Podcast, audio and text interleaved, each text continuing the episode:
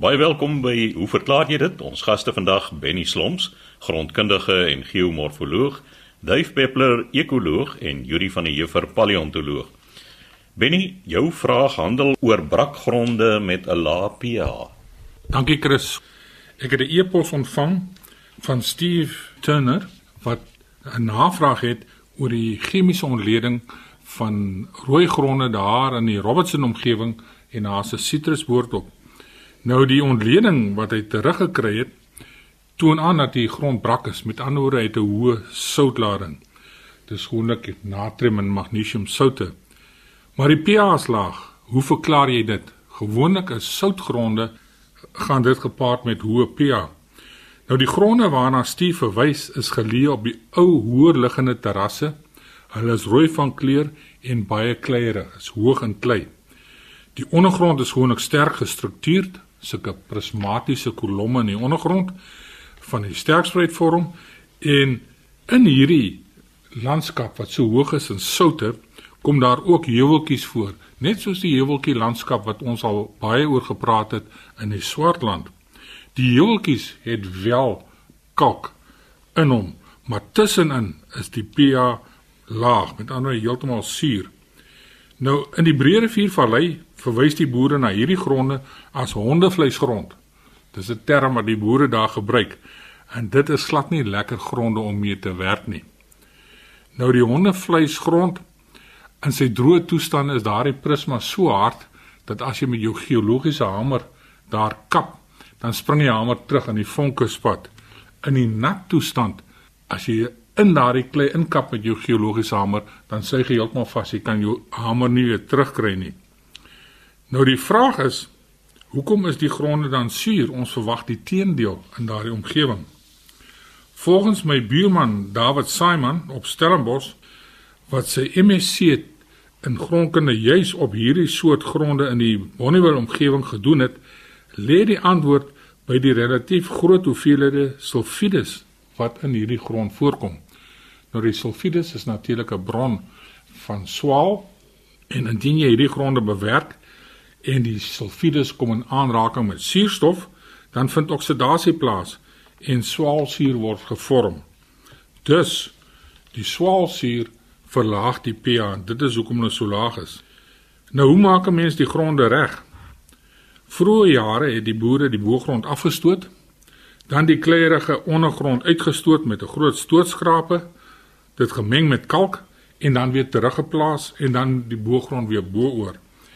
Nou of hierdie praktyk enigsins ekonomies haalbaar is in die tyd wat ons vandag leef, dit betwyfel ek sterk. Dit is baie makliker om eerder grond by te koop wat reg is en dan die aanplantings daarop te doen as om hierdie gronde te wil regstel.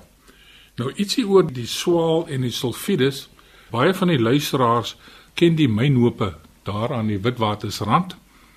En saam met die goud wat gemyn word, is daar heelwat ysterperiet wat ook deur die proses gaan van ekstraksie en die ysterperiet word gedeponeer bo op die mynhope. Nou indien dit reën daar, die ysterperiet het geoksideer tot swaalsuur, dan is die afloopwater van hierdie mynhope ongelooflik suur. Dit is eintlik 'n swak suur oplossing wat daar afloop en dit vernietig grondstruktuur as dit in die rivierstelsel beland, dan is daar enorme probleme. So die antwoord Steve is die ysterperiet in die grond wat hierdie pH so laag maak. So die die ontleding wat jy teruggekry het vanaf die laboratorium is heel korrek en jy kan maar vir daardie boer sê hierdie pasiënt is baie siek. Ek is nie so seker of 'n mens hom met normale bewerkingsmetodes ooit reg sal kry nie.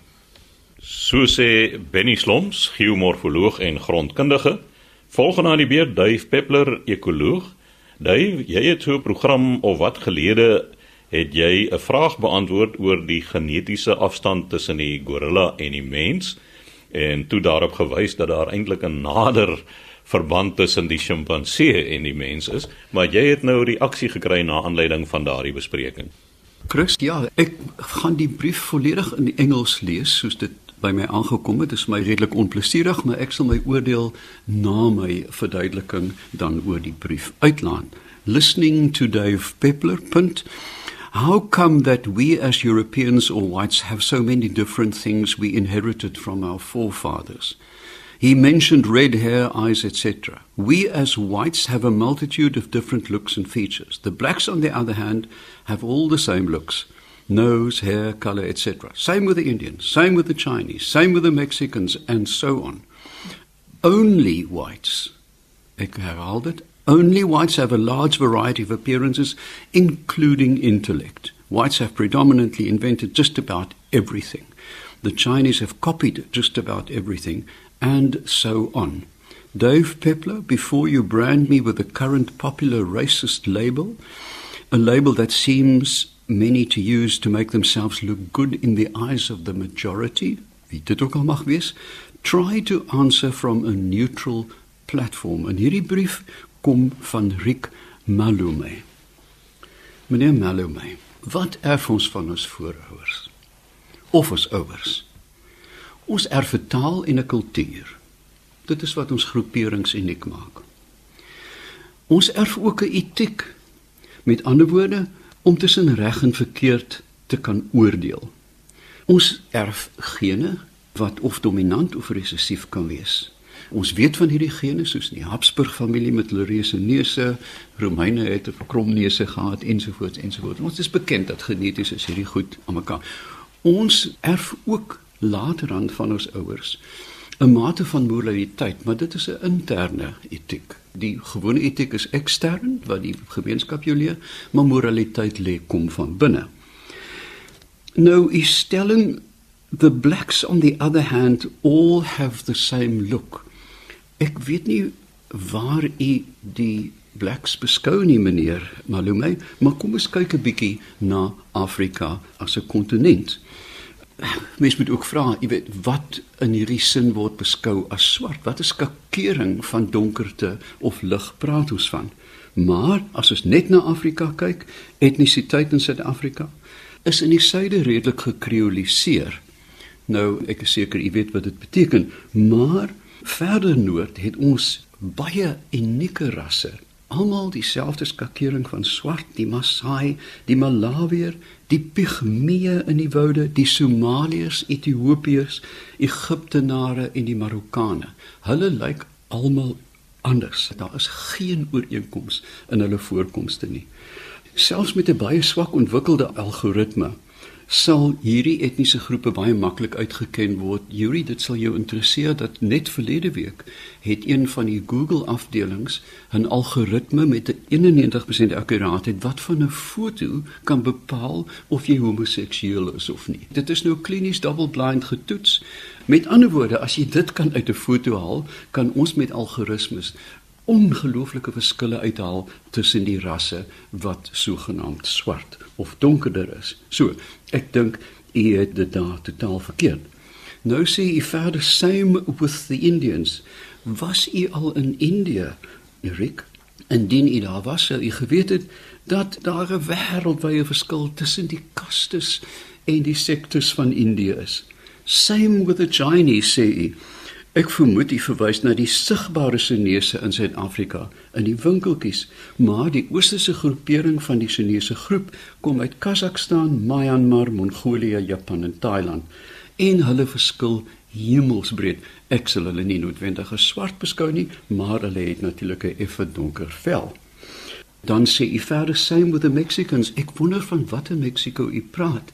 Vermoedelik van die land Mexico, maar Ons weet mos nou dat Meso-Amerika bestaan uit Guatemala, Honduras en Mexiko wat in hulle lyk absoluut verskillend. Nou moet ons daarby onthou dat hierdie verskillende lykende groepe op die oog af bestaan nie meer as 20000 jaar in Noord- en Suid-Amerika. Ons weet van die argeologie, Yuri, ek dink ek is reg, tussen 18 en 20000 jaar gelede met 'n vorige ystydperk het mense oorgestap en die Amerikas bevolk van bo tot onder. Dink 'n bietjie daaraan. Die rooihuide, die Eskimos, die Meso-Amerikaners, die Peruviane en die Mapuche Jy kan hulle nooit met mekaar vergelyk nie. Hulle verskil hemelsbreed fisiologies van mekaar.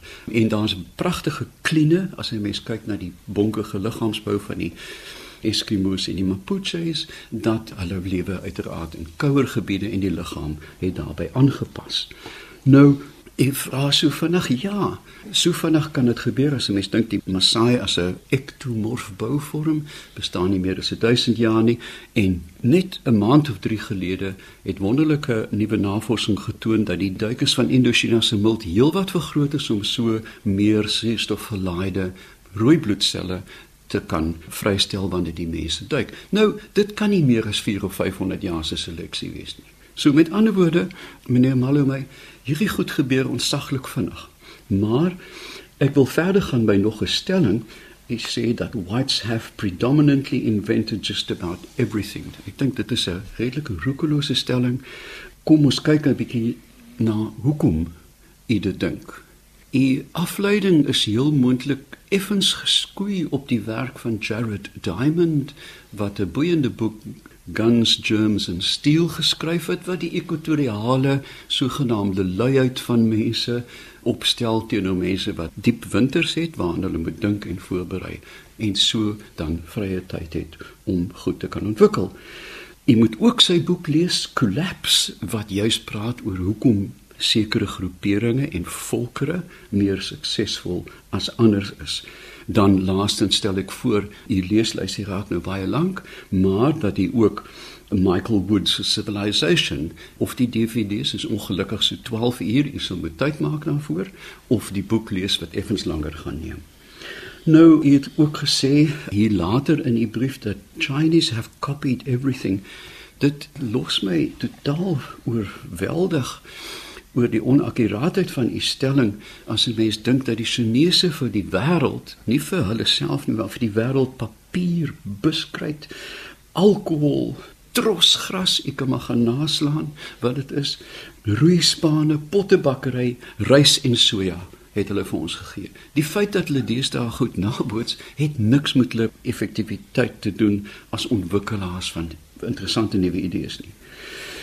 Die menslike ras met ander woorde almal wat op aarde woon is geneties eenders. Dit weet ons deur die wetenskap. Dit kan jy bepaal baie maklik en ons is ook bitter jonk.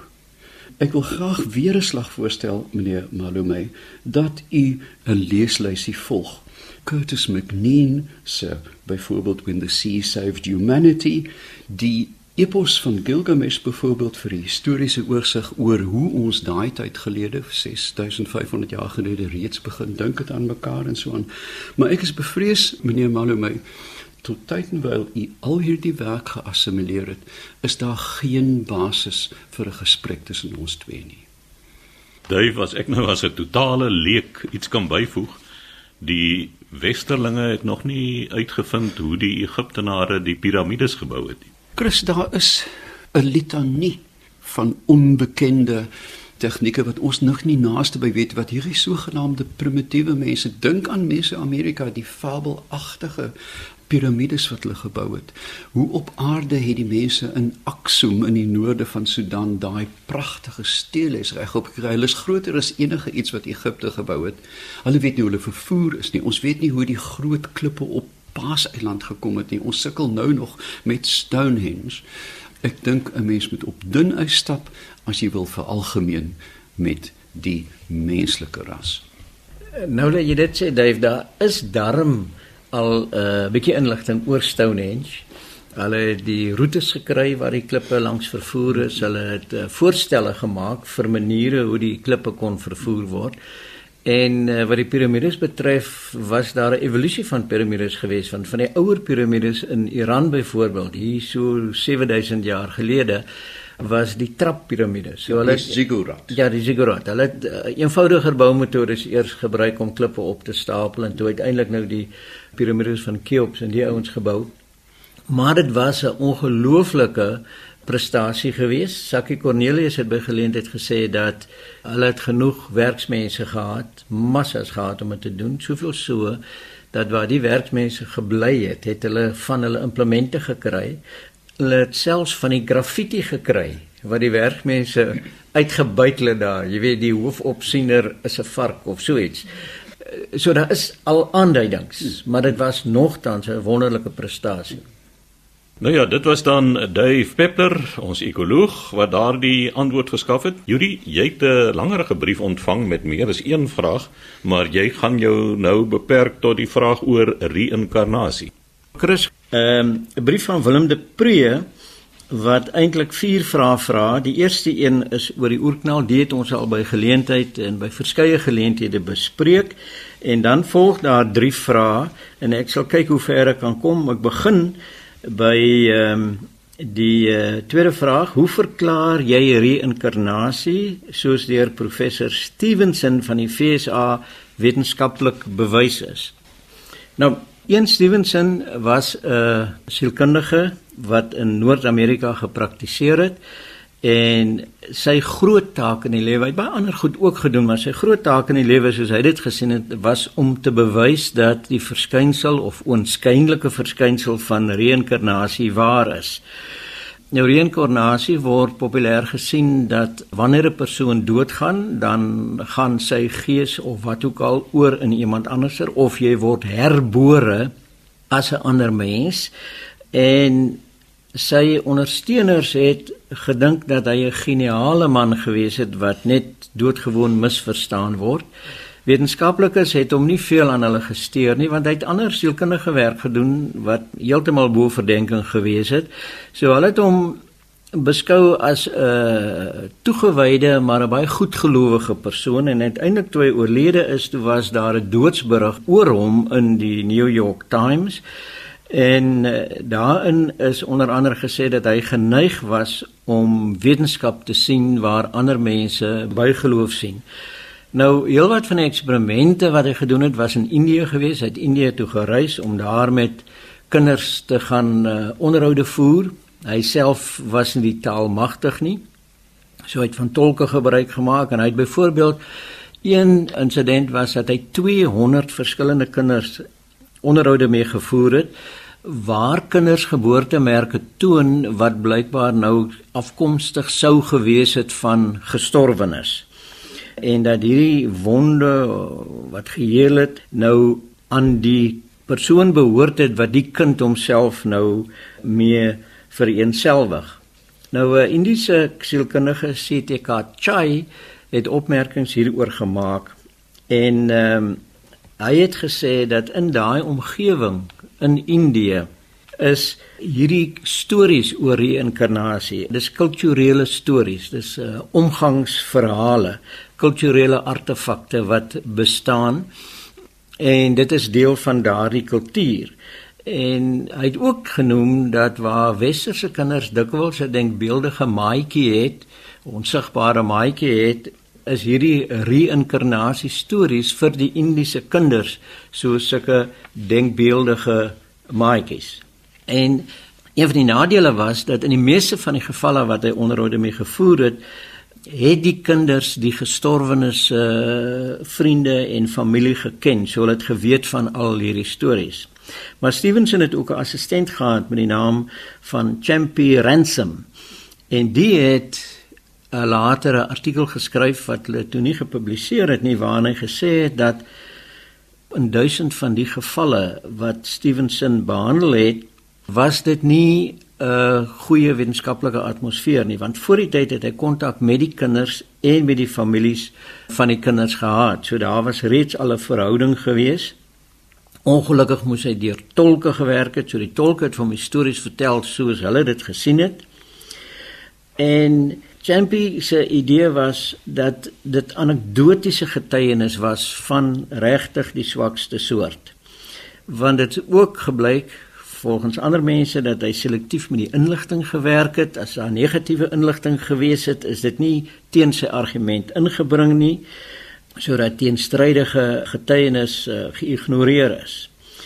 So wat hy dus gedoen het as ons na al hierdie inligting kyk, is dat hy 'n vooropgestelde idee gehad dat reïnkarnasie is waar. So hy moet nou inligting kry om dit te bewys en dit is nie hoe wetenskaplikes werk nie. Wetenskaplikes werk met 'n omgewing, met 'n dier of met valle of wat ook al en dan word hulle deur die inligting gelei na 'n gevolgtrekking. Hulle begin nie met die finale gevolgtrekking en dan moet die inligting wat hulle bekom moet dan in daai model ingepas word nie.